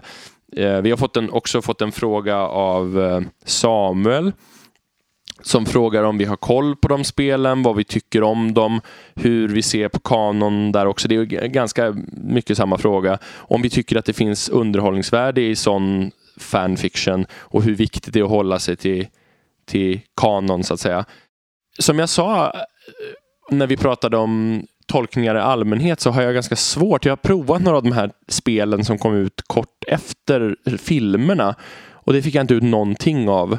Eh, jag ser, på något sätt så har jag svårt, alltså jag tycker de flesta spel inte förmedlar tolken på det sättet som jag känner de som jag har provat på och jag blev helt avtänd på idén. Sen har jag fått höra en del om Shadow of Mordor och Shadow of War och det jag har hört efteråt, jag, jag tror att de pratade om det här i Nördigt för några avsnitt sedan och de sa att om Adam Westlund hade varit här så hade han vridit sig liksom och dött. Och det tror Och sen vridit sig i sin grav Ja, dessutom. precis. Efteråt. Alltså, det, baserat på det jag hört om de här spelen så, så kickar min liksom eh, häxjägarsida in och att jag, jag blir direkt upprörd och arg. Jag har väldigt svårt med kanonbrott på det sättet. Jag önskar ju att jag hade mer tid att spela dataspel än vad jag har. Men jag har ändå spelat lite grann. Eh, så. Och det äldsta spel jag har spelat var ett gammalt eh, Lord of the Rings-spel som kom dels till PC men också till Amiga. Som var grafiskt sett väldigt enkelt. Man såg allting uppifrån, ovanifrån. Liksom, som ett, och man gick omkring i... Jag kom aldrig jättelångt i det här för jag, även då hade jag inte så mycket tid och tålamod och det tog lång tid att ladda in från diskett. Men det minns jag som ett av de roligaste spelen faktiskt. Det var, det var väldigt troget skulle jag säga i ton. Eh, det var grundstoryn fast man hade byggt ut det med sidospår för att även den som har läst böckerna inte skulle bara veta exakt var man skulle gå utan det fanns små sidoäventyr. Um, jag lämnade aldrig uh, Fylke i det här spelet kan jag säga så jag kom inte så långt. Men, men eh, det skulle jag säga att tonmässigt är det mest Tolkienska av de här spelen som jag har spelat. Um, och det var det var ganska känt då. Det kom en uppföljare också som tyvärr inte kom till Amiga utan bara till PC. The Two Towers. Den, så den spelade jag aldrig. Um, sen har jag spelat något enstaka spel byggt på filmerna. Tycker att det är väl okej liksom som actionunderhållning. Så. Ehm, det finns ett Fellowship of the Ring-spel som jag nu tar fram här. Eh, som är ett officiellt spel som inte bygger på filmerna faktiskt. Som jag minns, det spelade jag för sisådär 12, 13, 14, 15 år sedan eller någonting. Det är ganska roligt som jag minns det, men jag kommer inte ihåg så mycket av det. Och sen har jag spelat Shadow of Mordor och tyckte det var ganska kul, ska jag erkänna. Även om det tar sig enorma friheter med grundmaterialet. Men som spel tyckte jag att det var kul. Jag kan tänka mig också att det där första spelet du pratar om, det kanske ska bevaras mest i minnet. För att de där spelen som man älskade när man spelare för många år sedan kanske inte håller samma kvalitet när man skulle titta på det idag. En del av dem gör det och en del av dem gör verkligen inte det. Så kan man säga. Vissa spel från Amiga-tiden spelar jag med, med glädje och andra eh, tänker jag, oj då, var det inte bättre än så här? Jag tänker egentligen att det skulle säkert gå att göra tv-spel eller datorspel som, som skulle jag skulle uppskatta också. Men som sagt, som jag nämnt förut, jag är så känslig både på kanonfronten och på vad som är Tolkiensk känsla. Så att jag tror att det kanske inte hade blivit en försäljningshit för det hade behövt vara för troget för att tilltala mig. Eh, det hade gått att bygga någonting som liksom utspelar sig väldigt långt ut i utkanten av handlingen och därför kan vara ganska fritt. Men då tycker jag fortfarande att man måste eh, ta, vara extremt noggrann med vad som är Tolkienska fantasytroper och vad som inte passar in där.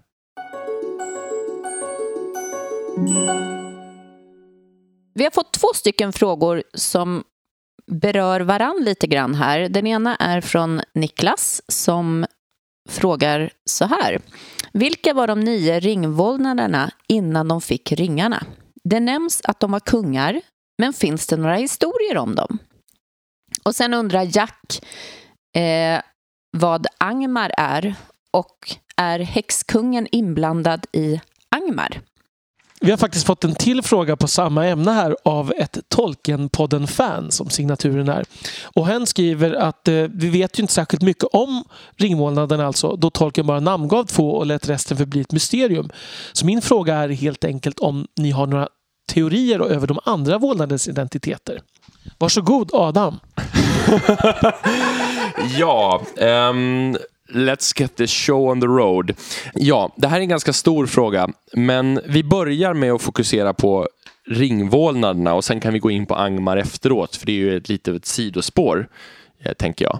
För det första ska man säga så här, vilka är ringvåldarna? Jo, alla som har sett filmerna kommer säkert ihåg nio svartklädda ryttare som i början följer efter hobbitarna, eh, jagar efter ringen, men som senare också eh, spelar en stor roll i ringens krig och deras ledare The Witch King eh, dräps på Pelennors slätt av Eowyn av Rohan. Så att de är väldigt viktiga karaktärer, men vi vet väldigt lite om dem. Vi vet att det är de, de nio människor som fick de nio ringarna som smiddes för människor av Sauron. Eh, de här ringarna var smidda eh, av Eregions alvsmeder och Sauron i samarbete. Och när Sauron sen smider den enda ringen så eh, kommer de här ringbärarna Eh, som, de som får de här ringarna av Sauron kommer under hans makt när han delar ut dem till olika personer. Vi vet inte riktigt vilka det är. Det står att det är Kings, Sorcerers and Warriors eh, och att de var mäktiga män. Man kan väl egentligen säga att vi har tre säkra fakta kring det här från olika ställen i Tolkiens skrivande. Vi vet att ledaren av de nio känd, var känd som häxkungen.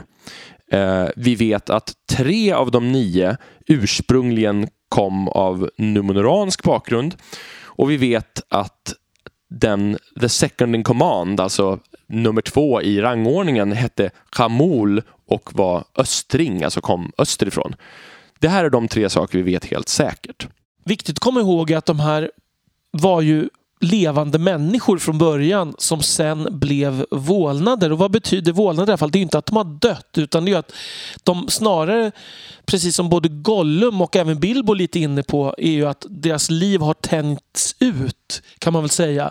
Um, så att de, har, de är någon slags odöda. De har egentligen aldrig dött utan Sauron kontrollerar ju de här genom ringen. Och det är väl Gandalf som säger att om Frodo hade dukat under så hade han också blivit en vålnad fast mm. under deras makt. Så vålnad betyder alltså inte liksom liket. Nej, utan mm. det är mer som att de har Ja, de har transformerats på något sätt. Precis. Um, och och eh, visst är det så att ringvålnad är väl en direkt översättning av Nazgul? Är det inte så? Mm. Eller om det är tvärtom. Absolut. Mm. Och eh, när kan det här då ha hänt? Jo, Sauron smider den enda ringen runt år 1600 i andra åldern. Det är ganska bra tag innan Ringens krig som utspelar sig 3018-3019 i tredje åldern. Sen vet vi att ringvålnaderna framträder för första gången år 2251 i andra åldern, ungefär 600 år senare. Så någon gång... Så bara där så vet vi att de inte är vanliga levande människor kan man säga. Nej. Som blir 600 någon år. gång under den här tiden. Alltså, Sauron har delat ut de här nio ringarna någon gång under det här spannet och de har fått förlängda liv. Folk har börjat inse att något har varit speciellt med dem när de har överlevt alldeles för länge. Och sen har de framträtt liksom som fullskaliga vålnader år 2251. Det finns några, en, man kan teoretisera lite grann om vilka de här personerna är. Um, vi vet alltså att tre av dem ursprungligen kom av numeransk bakgrund, för det skriver Tolkien rakt ut. Och vi kan föreställa oss, föreställa oss att det här måste ha hänt någon gång, alltså flera hundra år före 2251, för annars skulle inte folk ha hunnit märka att de levde sådär väldigt länge. För att numeranska män levde även naturligt väldigt länge i den här tiden i Tolkiens universum kan man säga. Så att vi kanske kan gissa att de har fått ringarna någonstans runt år 1700-1800 i andra åldern. En del har velat tro att eh, det finns två eh, figurer som heter Heromor här skakar Elisabeth på huvudet. Heromor och Foinor eh, som stiger till makten i Harad. Eh, Eh, och de kommer av numeransk 1 och att de, eh, de kämpar på Saurons sida. Men de är ungefär tusen år efter eh, den här tiden när ringvåldarna framträder. Vissa vill argumentera då att alla nio kanske inte framträder på en gång. Men jag tror inte riktigt på det, för det står att the, this time the Nazgul slaves of the nine rings first appear. Så det tycker jag man kan tolka som att alla nio. Så att um, hur som helst så, så kan man tänka sig att vi vet att tre kommer från numeransk bakgrund. Men, men man kan också tänka sig då att han försöker suga upp olika folk med hjälp av att placera ut ringarna strategiskt på olika ställen. Vi vet alltså att den här Khamul kommer från östern eh, och då kan vi titta på vilka andra områden finns vid den här tiden att dela ut ringar i. Vi har riket Kand i, i sydöst om Mordor. Det skulle mycket möjligt kunna vara att någon av ringarna hamnat där. Vi har The Men of the Mountains, de som är förfäder till dunlänningarna i eh, Lord of the Rings. Eh, de kämpar på Saurons sida i konflikten mot Numenoranerna, eller de hoppas på Sauron redan innan han har överhögheten över dem. Mycket möjligt skulle det kunna bero på att en ringvålnad har placerats där. Vi vet, vi skulle också kunna tänka oss kanske att någon av dem har placerats eh, i, placerats i västra Midgård, i Eriador. Um, ehm, till exempel. Eller i Umbar. Sådana här områden som senare blev starka fästen för Sauron skulle man kunna tänka sig att det skulle kunna bero på eh, att en ringvålnad har verkat. Vet vi varför Sauron gör det här? Alltså, står det någonstans anledningen till att Sauron delar ut ringar eh, till människor som han vill kunna kontrollera är det för att, för att jag menar i Sagan om ringen så är ju eh, Nazgulernas funktion det är ju på något sätt att jaga efter ringen. Men mm. det är ju inte deras funktion här i början Nej, såklart. Men, men det måste finnas en orsak till att han huvudsakligen väljer det som står liksom Kings. Alltså, jag mm. tänker att det skulle kanske inte nödvändigtvis vara så att kungar eller lords är de mest effektiva jägarna. Eller, utan jag tänker att man eh, måste teoretisera kring varför väljer han att dela ut i någon sorts överskikt. Och det, om man då förslavar herreskikten någonstans i vissa områden så är det nog mycket lättare att vinna överhögheten i de områdena. Och då skulle man kunna tänka sig att söder och öster är de platser där ringarna hamnar tätast för de områdena ligger tyngst under Saurons eh, spira senare kan man säga. Och han har ju faktiskt en historia där han har varit med om att bli besegrad och inte ha en chans eh, när de kommer och eh, förslavar honom. Mm. Eh, så att det borde ju ge en... Och det, alltså det händer ju långt efter att ringvåldarna har framträtt första gången. För att det här, Sauron delar ut de här ungefär tusen år, drygt tusen år innan han besegras av Arfarason. Så ringvåldarna är redan i spel när Numenor besegrar honom. Okej, ja, då lärde jag mig något nytt. Eh, och då är det ju dessutom alltså ett tecken på hur fantastiskt starkt fäste det måste ha varit när han hade eh, de stora herrarna gissningsvis Mm. som han hade förslavat redan Mm. och ändå viker ner sig totalt. Ja, jag tänker så här, alltså, jag såg någon det är ju en väldigt vanlig diskussion eh, på, på forum på internet och så där, som, som dyker upp i böcker. Hur kunde Numenor besegra Sauron när han hade den enda ringen och i princip hade knäckt alverna? Eh, och svaret är väl, det var någon som skrev så här It was basically an enormous army only consisting of Aragorns. och det är väl lite så. Alltså det här vi pratade om blodet, liksom att Numenoranerna var så extremt överlägsna det vi ser senare och de är en makt som aldrig mer kommer tillbaka. Så att de vann ändå, helt enkelt. Men sen så är det ju frågan då om Sauron tänk, man kan också tänka sig, för det Sauron gör är att han låter sig tas till fånga av Ar-Pharason. Så man kan fundera på om Sauron insåg att det var mindre riskfyllt att bli besegrad och, och förgifta Numenor inifrån. Förstås. Ja, jag tänker, det är så jag tänker, för att annars så hade han ju ändå försökt slå tillbaka. Hade han haft en tionde ring då hade han säkert gett den till Arfarason. Det finns faktiskt folk som, de som tycker att det inte är viktigt att alla ringvåldarna skulle ha framträtt samtidigt som skulle vilja säga att The Witch King är Arfarason. Eh, Det, det, finns, det stöter man på ibland. Att Arfarasons ande på något sätt skulle ha färdats tillbaka från Valinor och att Sauron... Jag tror inte dugg på den, men den Nej. lanseras ibland på internet. Framförallt så tror jag att om det hade varit så så hade Tolkien skrivit det. Mm. Alltså, ja, ja, ja, hade det varit någon, någon vi visste vem det var, då tror jag att han, han var inte en sån som höll riktigt sånt hemligt bara för sakens skull. Nej. Nej, men det håller jag med om. Det låter mer som George R. Martin igen. Verkligen. Eh, Men eh, hur som helst, det, det, egentligen så är det väl fortfarande så att jag, jag skulle nog vilja hävda att vi kan säga ganska säkert, eller vi vet helt säkert att det är tre stycken nomonoraner. Vi kan tänka oss att flera av de andra har ringarna har hamnat österut och söderut. Säkert någon i Harad, någon i Kand, någon i Ron och den i Ron är då antagligen Chamol. Eh, vi kan tänka oss att någon har getts till The Men of the Mountain, alltså dunlänningarnas förfäder. Vi kan också tänka oss att någon har getts till de människor som levde i Eriador och som drevs ut från Minhiriath till exempel. Det var också folk som samarbetade mot Alltså det, det är de här The Men of the Mountain, eh, Mountains. Det är de som samarbetade eh, med Sauron sen. Vi, vissa har lanserat tanken att de här The Dead Men of Dunharrow eh, som Aragorn leder sen, att, att de skulle ha förrått Isildur för att liksom, det fanns en historia av, av att det har kommit en ringvålnad därifrån eller något åt det hållet. Um, men egentligen kan, så här är det, man kan inte säga så mycket om det här.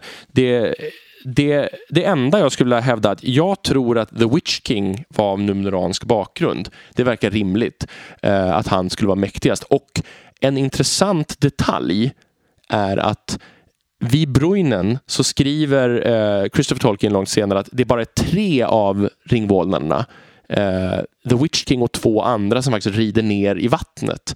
Skulle man kunna fundera på om det är för att de tre som är numeraner, Men of the Sea, möjligen. Om vi går över till den andra frågan, eh, alltså vad är Angmar och vad har häxkungen att göra med Angmar?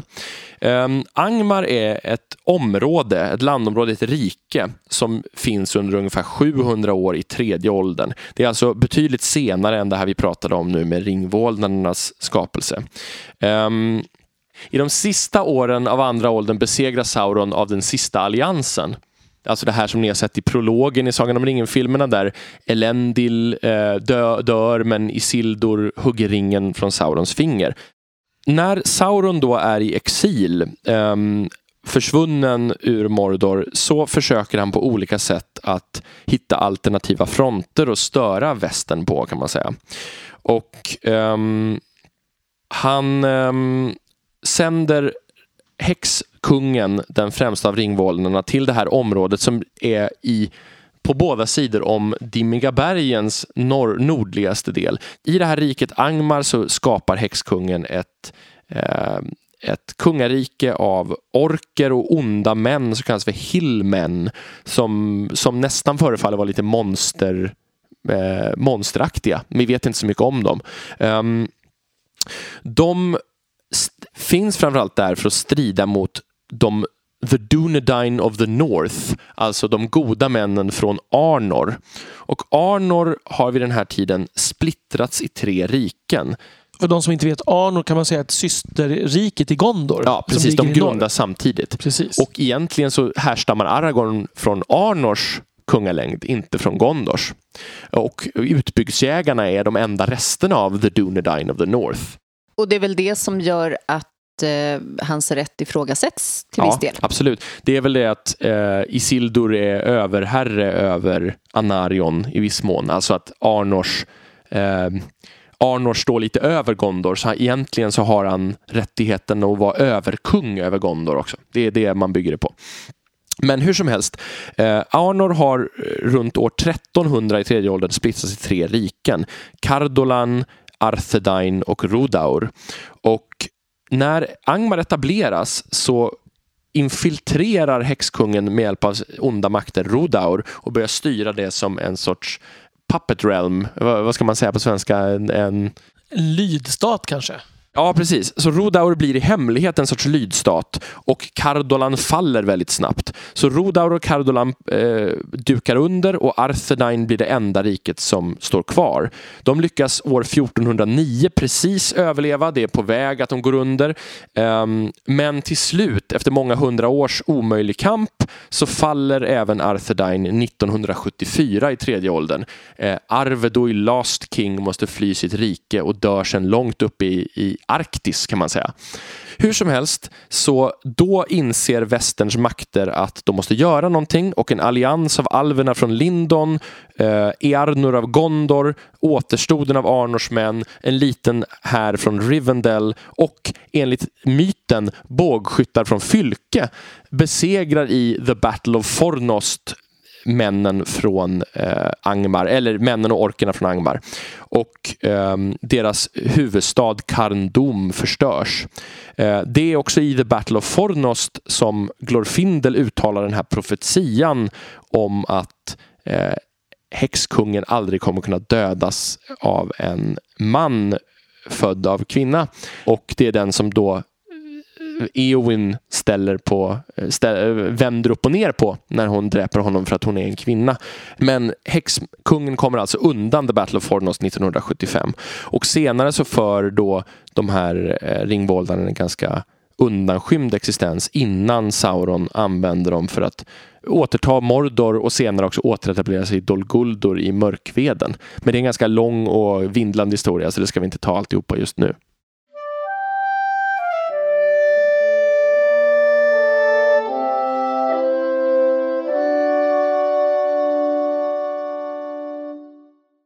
Kalle han tar upp en eh, fråga som jag tror att vi kan svara lite mer exakt på. Det handlar om entiskorna. Och han skriver så här att det ryktas ju om levande träd nära Fylke i Fellowship. Vet man något mer om detta?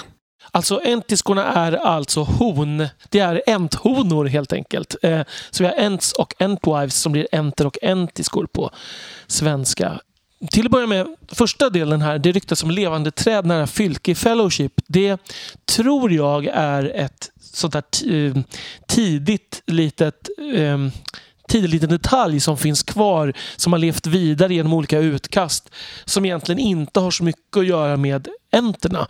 Eh, jag tror inte att det finns några enter eller entiskor nära Fylke. Men å andra sidan så har vi ju halvlevande träd i Gamla skogen. Så att eh, Framförallt så säger väl Fangorn att eh, han tror att Fylke skulle vara ett område där entiskorna verkligen skulle trivas. Mm. Efter hur eh, Mary Pippin beskriver området. Precis, men Tolkien svarar ju faktiskt sen i olika brev att det är så att de här entiskorna har troligen försvunnit för gott. Och han ger till och med lite mer eh, närmare bestämt när det här skulle vara. Och det är alltså i det här sista alliansens krig som eh, Adam pratade om tidigare. Så eh, var det så att de eh, förintetgjordes tillsammans med sina trädgårdar. För det är ju så att enterna har hand om skogarna och träden och enterskorna hade hand om buskage och buskar och eh, odlingar mer så. Och då använde sig Sauron av den här brända jordens taktik och förstörde och brände deras deras länder helt enkelt. Och de entiskorna strök med i detta. Och eh, det var ju entiskorna som då antyds där lärde människor och hobbitar hur man brukar jorden så att de levde kvar i de traditionerna. Ehm, Tolkien spekulerar i att några av entiskorna kanske kunde ha flytt österut men då hade de troligen blivit förslavade och eh, eh, alltså använts av fienden på olika sätt. Så. Troligen finns det då inget sätt att förenter och entis går att mötas igen. Väldigt sorgligt. Inget klassiskt amerikanskt lyckligt slut helt enkelt. Nej, och, eh, men Tolkien när på äldre dagar, när vi, som vi redan konstaterat blev han mer sentimental ju äldre han blev, då säger han att de kanske kan mötas igen utanför denna världens cirklar. Vi har fått en till fråga här från Jack och den är kort och gott, vad är det ni tycker är det sämsta med Peter Jacksons filmer? Så Elisabeth, vill du börja? Jag har nog ett par olika varianter som jag tycker är riktigt, riktigt, riktigt dåligt. Och eh, en av dem är när de går eh, genom berget och blir attackerade av dödskallar. Eh, I den förlängda versionen extremt dåligt. Och sen tycker jag att han misshandlar Gimli lite väl mycket. Jag tycker att han får bli någon, någon typ av skämt, vilket han förtjänar ett bättre öde än så. Jag tänker vara lite mer generell här. Det som jag tycker är sämst med Peter Jacksons filmer det är när han går för långt från ursprungsmaterialet, lite generellt. så. Och då handlar det egentligen inte så mycket om strykningar eller så eller, eller förenklingar utan det är mer de rena tilläggen han har gjort. Eller han och eh, tillsammans med sina eh, medbrottslingar höll jag på att säga. eh, och då kan man ju säga att det sämsta med Peter Jacksons filmer det är till att börja med The Hobbit-filmerna är det sämsta med Peter Jacksons filmer. Så kan man säga. Eh, men även i övrigt är det så att det är lite intressant för i bonusmaterialet så pratar de ganska mycket om att de vart efter tiden gick gick mer och mer tillbaka till Tolkiens egna ord i manuset. Vart efter de reviderade så blev det mer och mer Tolkien i manuset. Vad hade hänt om de hade fått ett år till på sig? Det hade blivit ännu närmare Tolkien då, det är ju frågan. Men eh, de tillägg som inte heller är logiska i filmuniversumet. Det är det jag tycker stör mig mest på. Till exempel att Arwen är döende, att Frodo skickar hem Sam, att de tar en utflykt till eh, Osgiliath med, med Faramir. Ehm, allt sånt där. Och när de liksom gör våld på en del av, vad ska man säga, sensmoralen i, i berättelsen eller, eller etiken eller så. Lite mer på djupet. Um, andras mindre ändringar har jag inte så mycket emot men de större där, de gör lite ont. Oj, och när jag hör dig säga de här då inser jag ju att de här är ju precis lika dåliga som de exempel som jag tog upp. Eh, det finns många saker som inte är fantastiska. Så är det ju. Och i The Hobbit-filmerna där det här är mycket, mycket, mycket mer av detta. Där tycker jag Nej, men det här triangeldramat med Kili, Tauriel och Legolas, det tycker jag är hemskt faktiskt.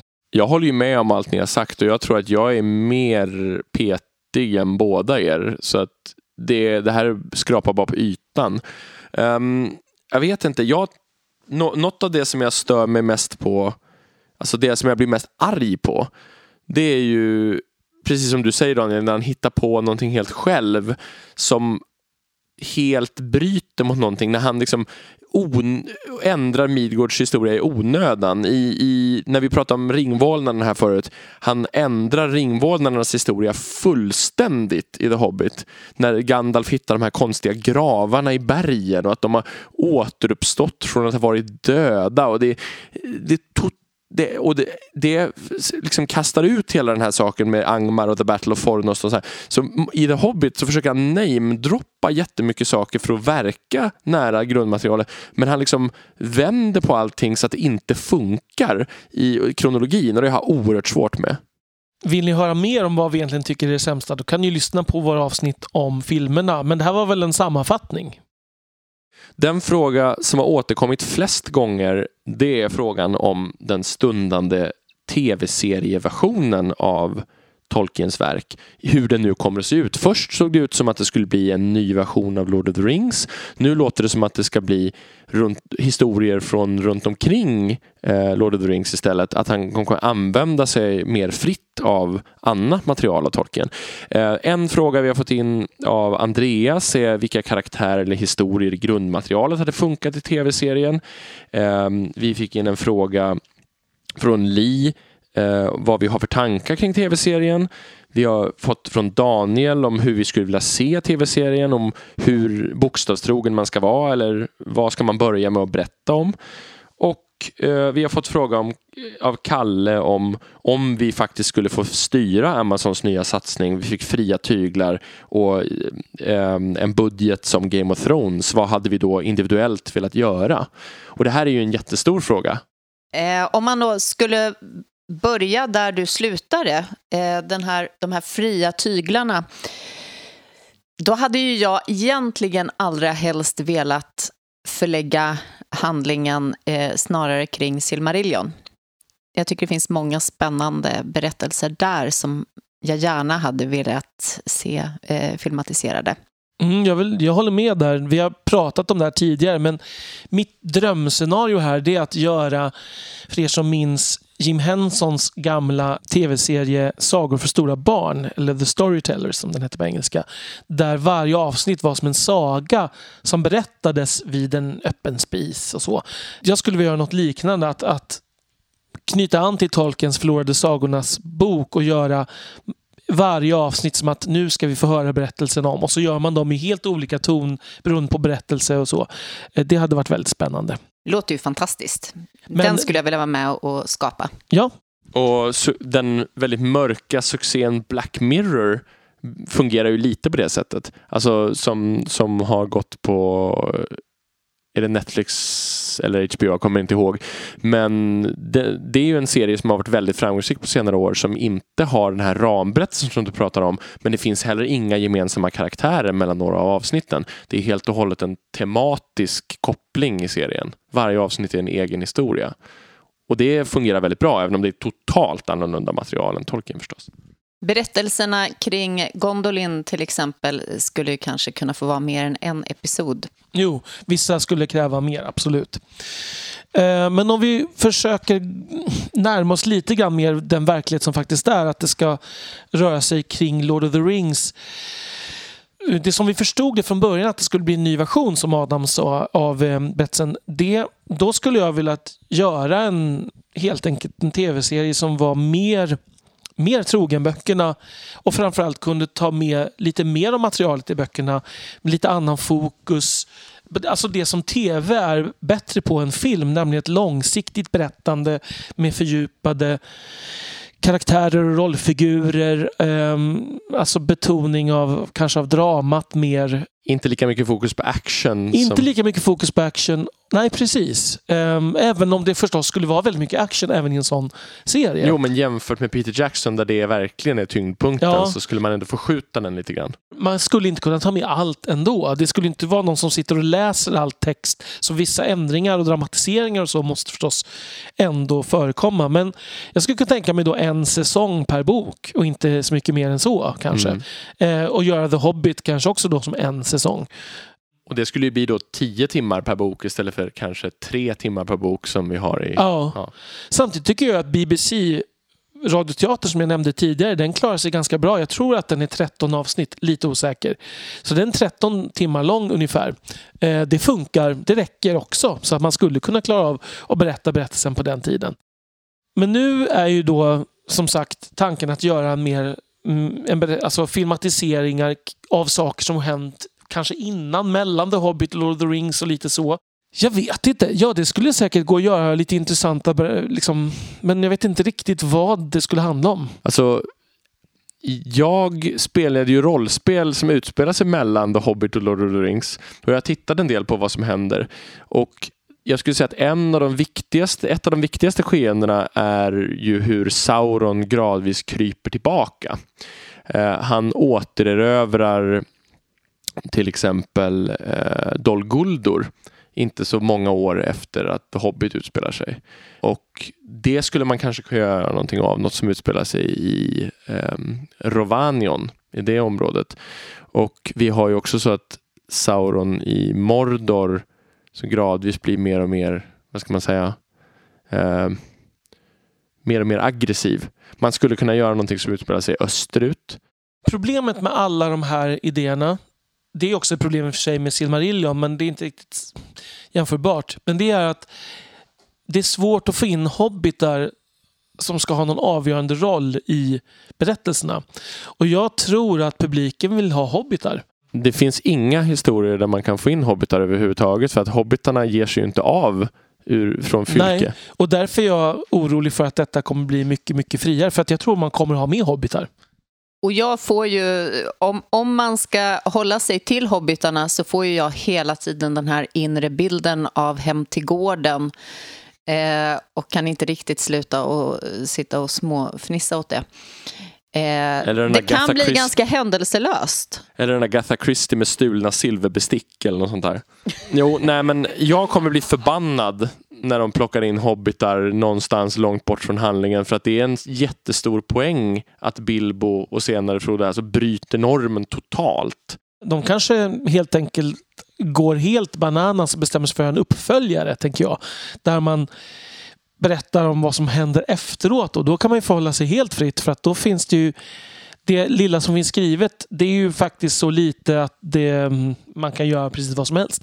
Det, det, enda som vi vet är i princip att Aragorn måste utkämpa en del strider mot människor i södern och östern när han utvidgar det återförenade kungadömet. Och sen så stå, skriver Tolkien själv att det är en ganska ointressant period under resten av Aragorns tid. Och att, men han skriver också intressant att det som uppstår när människor blir uttråkade för att de har det för bra, är att det kommer uppstå hemliga kulter och among adolescents ork cults, vad han nu menar med det. Troligen kanske bara skadegörelse, men man undrar om de börjar dyrka orker, fick jag nästan så här. Det, men jag hoppas de inte gör någonting på det, för det tror jag skulle kunna bli förskräckligt dåligt. Jag skulle kunna tänka mig att skildra, eftersom jag är krigsfanatiker eller sånt där, jag skulle kunna tänka mig att skildra andra fronter i Ringens krig. Uh, det, men det skulle vara väldigt svårt att göra dem som som kanske som egna hela historier. Men det skulle gå att göra någon typ av krigsfilm i Erebor med dalmännen och dvärgarna som, som är innestängda och slutet verkar nära. Och så, ja. En krigsfilm Adam, var inte du som ville ha mindre action? Jo, absolut. Men jag försöker hitta någonting som liksom går i linje med kanon. Och jag tycker att det är svårare när, alltså, tol eftersom Tolkien skriver mindre om de här andra potentiella scenarierna. Det blir lätt att man svajar iväg längre. Men, men jag tänkte, det var faktiskt snarare i, i själva Lord of the Rings-berättelsen, tänker jag. En berättelse om sista alliansen eller en berättelse om vad som händer i Angmar eller, eller berättelsen om när Rohirrim dyker upp till exempel. Alltså sådana såna berättelser skulle man kunna visa. Sen är ju krig ganska överskattat skulle jag säga generellt. Det beror ju helt på hur du menar. Um, men den diskussionen har vi haft förr. Men jag håller med dig Daniel. Det var, jag var faktiskt precis på väg att säga det. Att de här andra åldern, det som händer efter Nomenors fall. Man skulle kunna göra en Nomenor-historia också. Men, men det som händer efter Nomenors fall med Arnor och Gondor och kanske framförallt Arnors fall. Jag tror att Arvedo i Last King det skulle kunna bli en jättebra historia. Väldigt spännande. Han försvinner upp i hos Forodwaith eller upp i, hos Lossoth, snömännen och, och, går under på slutet där, gömmer sig gamla dvärggruvor i blå bergen och alla möjliga saker. Det kan bli ganska spännande. Alltså den, den vill jag se.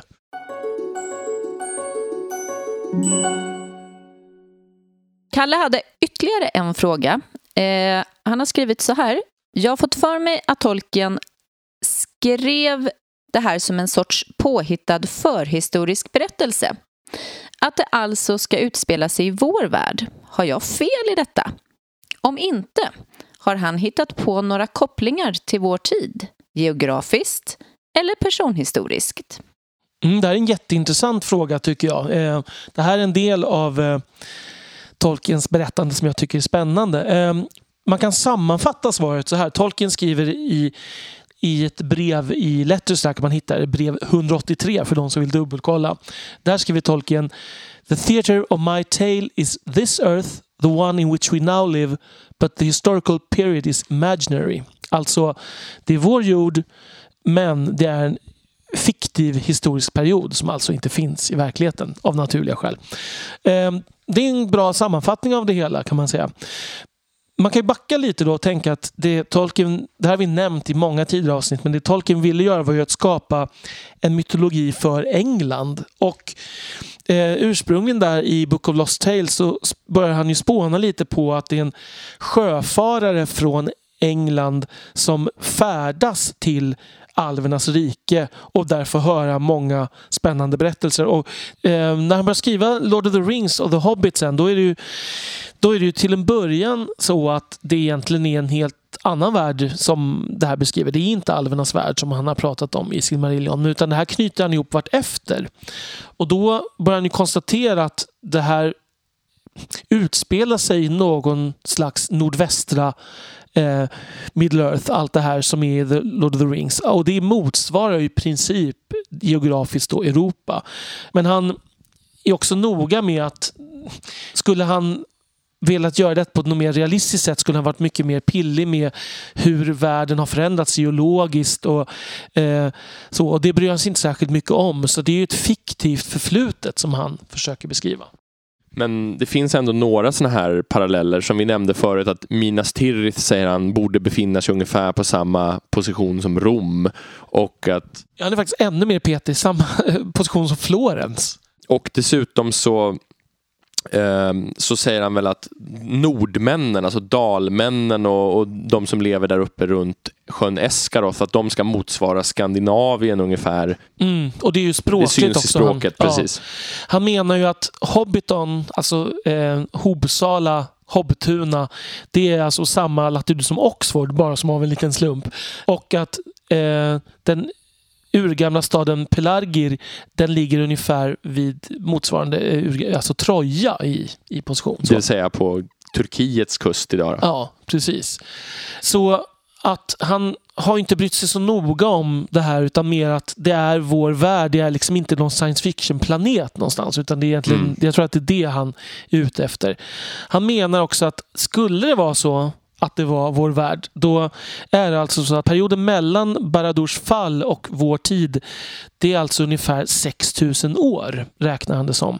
Och han menar att i så fall skulle vi nu ha varit i slutet av femte åldern men han tycker alltså tidsåldern har skyndat på. Så han tror att vi är vid slutet av sjätte åldern eller möjligen inne i sjunde åldern. Men det påminner ju lite det här, det här som man säger senare som jag egentligen tycker, det känns som en sån här retconning på gamla dagar igen. Men det påminner lite om Robert E. Howard, författaren av Conan-böckerna som vi i samma tid har något som kallas för The, the Hyborian Age, eh, Hyperborean Age kommer kanske det heter. Han har en i alla fall en tidsålder som, som ligger långt tillbaka som sedan har gått under när Atlantis fanns och sen uppstår den historia som vi känner till med högkulturerna efter det här. Så att det, det här är ju lite liknande drag men Tolkien gör nog klokt i att inte som Robert E. Howard försöka trassla in sig för långt i det här resonemanget. Nej, eh, utan det han snarare gör är ju på ett mytologiskt plan att han att han menar att det här som han skriver om, det har gett ekon i vår verkliga värld. Vi har varit inne på det, eh, som att Earendil till exempel är ju ett, ett namn som dyker upp i fornengelsk, eh, alltså i fornengelsk diktning och som han då ger en mytologisk förklaring till. Det är likadant med orks som ju faktiskt är ett, också ett ord som dyker upp, eller ents och så. Som, det är inte ord han hittar på utan han försöker uppfinna det som ligger bakom. Och Dessutom så använder han ju vissa verkliga namn och så som dyker upp. Som, alltså en del av geografin i Fylke med omnejd är ju, består ju dels av engelska ortnamn och så. Så man kan säga att personhistorisk koppling handlar inte egentligen om att det är kopplat till någonting som faktiskt finns i historien för att det här utspelar sig innan de historiska sakerna utan det handlar snarare om att det förklarar de historiska sakerna som sker senare i verkligheten. Precis, men det blir ju lite komplicerat för att liksom utvecklingsnivåmässigt så ser vi någon sorts tidig medeltid och, och sådär. Men då måste man tänka att det liksom har fallit ihop och sen har utvecklingen börjat igen och sånt där. Ja, alltså det är ett, för att ta ett tydligt exempel. Numenor är ju förklaringen bakom Atlantis-myten. Det heter ju till och med Atalant Precis, i en alternativ skulle, namnform. Ja.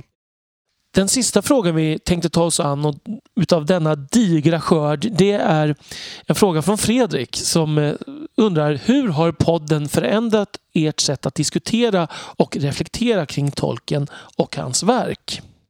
För mig så tror jag det mest handlar om en sorts strukturering. För jag tror att anledningen till att vi startade den här podcasten från början var väl för att vi kände att vi hade de här diskussionerna ändå. Så egentligen så tror jag inte att diskussionerna är så väldigt annorlunda. Men i och med att vi fokuserar tydligare på ett ämne i taget och introducerar så blir det ju lite naturligt så att man kanske följer en lite striktare struktur, att man kollar upp exakta sidhänvisningar ibland och, och sådär. Och, så att jag, jag, tror att det handlar om att vi gör ungefär samma sak som tidigare men att vi tänker mer i termer av eh, att vi ska presentera det och därför är lite noggrannare i strukturen och sen kanske reflekterar man något extra varv på slutet för att se vad kan vi egentligen dra för slutsatser så vi får någon sorts slutkläm. Det är ungefär så som jag tänker på det spontant. För mig har det blivit en ny fas i lite av mitt tolkenintresse. Alltså det har väckts till liv lite igen. Eh, mitt, mitt tolkenintresse går lite i vågor. När jag var liten var jag ju väldigt fascinerad och sen nästa stora fas var, var eh, när filmatiseringarna skulle göras, alltså åren innan när, när eh, ryktena började komma i svang. Och sen nästa fas var nyöversättningen eh, där jag ju liksom, intresset fördjupades igen och nu har jag fått en ny chans att ta upp mitt Tolkien-intresse. Um, ehm, så det är ju väldigt roligt att få dyka ner i gamla eh, hobbyn igen. Jag kan nog instämma lite där med Daniel för att eh, mitt Tolkien-intresse kanske tog en låg vilande en stund eh, innan vi startade igång det här eh, eftersom vi av olika skäl inte ha, hade hunnit ses så mycket tidigare. Eh, men ytterligare innan dess så hade vi ganska många och täta Eh, tillfällen när vi diskuterar. Så att det här har blivit en fantastisk möjlighet att få utveckla och fortsätta just sådana här diskussioner. Dessutom tycker jag att det har varit väldigt roligt och stimulerande att få sätta ord på varför man tycker vissa saker. Varför känner jag som jag gör inför de här böckerna? Eh, att, att, faktiskt formulera sig kring vad är det som är speciellt med tolken och, och försöka eh, form, förmedla det till andra. Det tycker jag har varit väldigt kul, för det har vi inte gjort så mycket innan. Nej, och det håller jag verkligen med om. Och sen är det ju så här att jag eh, sitter ju och eh, blandas av att fascineras och eh, njuta av alla dessa detaljkunskaper som de jag sitter och samtalar med eh, har. Eh, det är alltid lika roligt att ta del av, även så här i poddformatet. Och det är ju alltid väldigt roligt att ses för oss. Ja, det är nästan den bästa, att vi har haft en ursäkt att ses minst en gång i månaden, alla tre. Mm. Det, det, är nog den... den, den, den liksom, och det har inte så mycket med tolken att göra på, på det sättet, men det har definitivt varit en positiv effekt av det. Jag är väldigt glad och tycker att det är väldigt roligt att det är så många som vill höra oss sitta och prata om det här. Sitta och orera faktiskt. Eh, jag tänker att vi har fått en hel del mejl eh, och så om kan inte komma med avsnitt oftare och det är väldigt kul att, att höra. Men sanningen säger det kan vara bra att vi får det här sagt i ett avsnitt. Vi har ju svårt att få ihop schemat att faktiskt ses en gång i månaden med våra Redan upptagna nu, ja. liv. Precis. Mm. Så att det, det är inte realistiskt, men att, att vi får ett tillfälle att ses en gång i månaden är väldigt, väldigt kul. Men jag vet inte, när jag var yngre så hade jag nog aldrig trott att det var någon som skulle be mig att sitta och prata om hur mycket jag hatar eh, Peter Jacksons tolkning av krigsformationer. Eh, eller att någon inte skulle... Frågan är, har någon bett dig om just det? Nej, men de har kanske de har inte stängt av heller. Nej, det är När jag sant. skriker Det är att han är en böld på mänsklighetens kropp. Det har du rätt i. Det har du rätt i.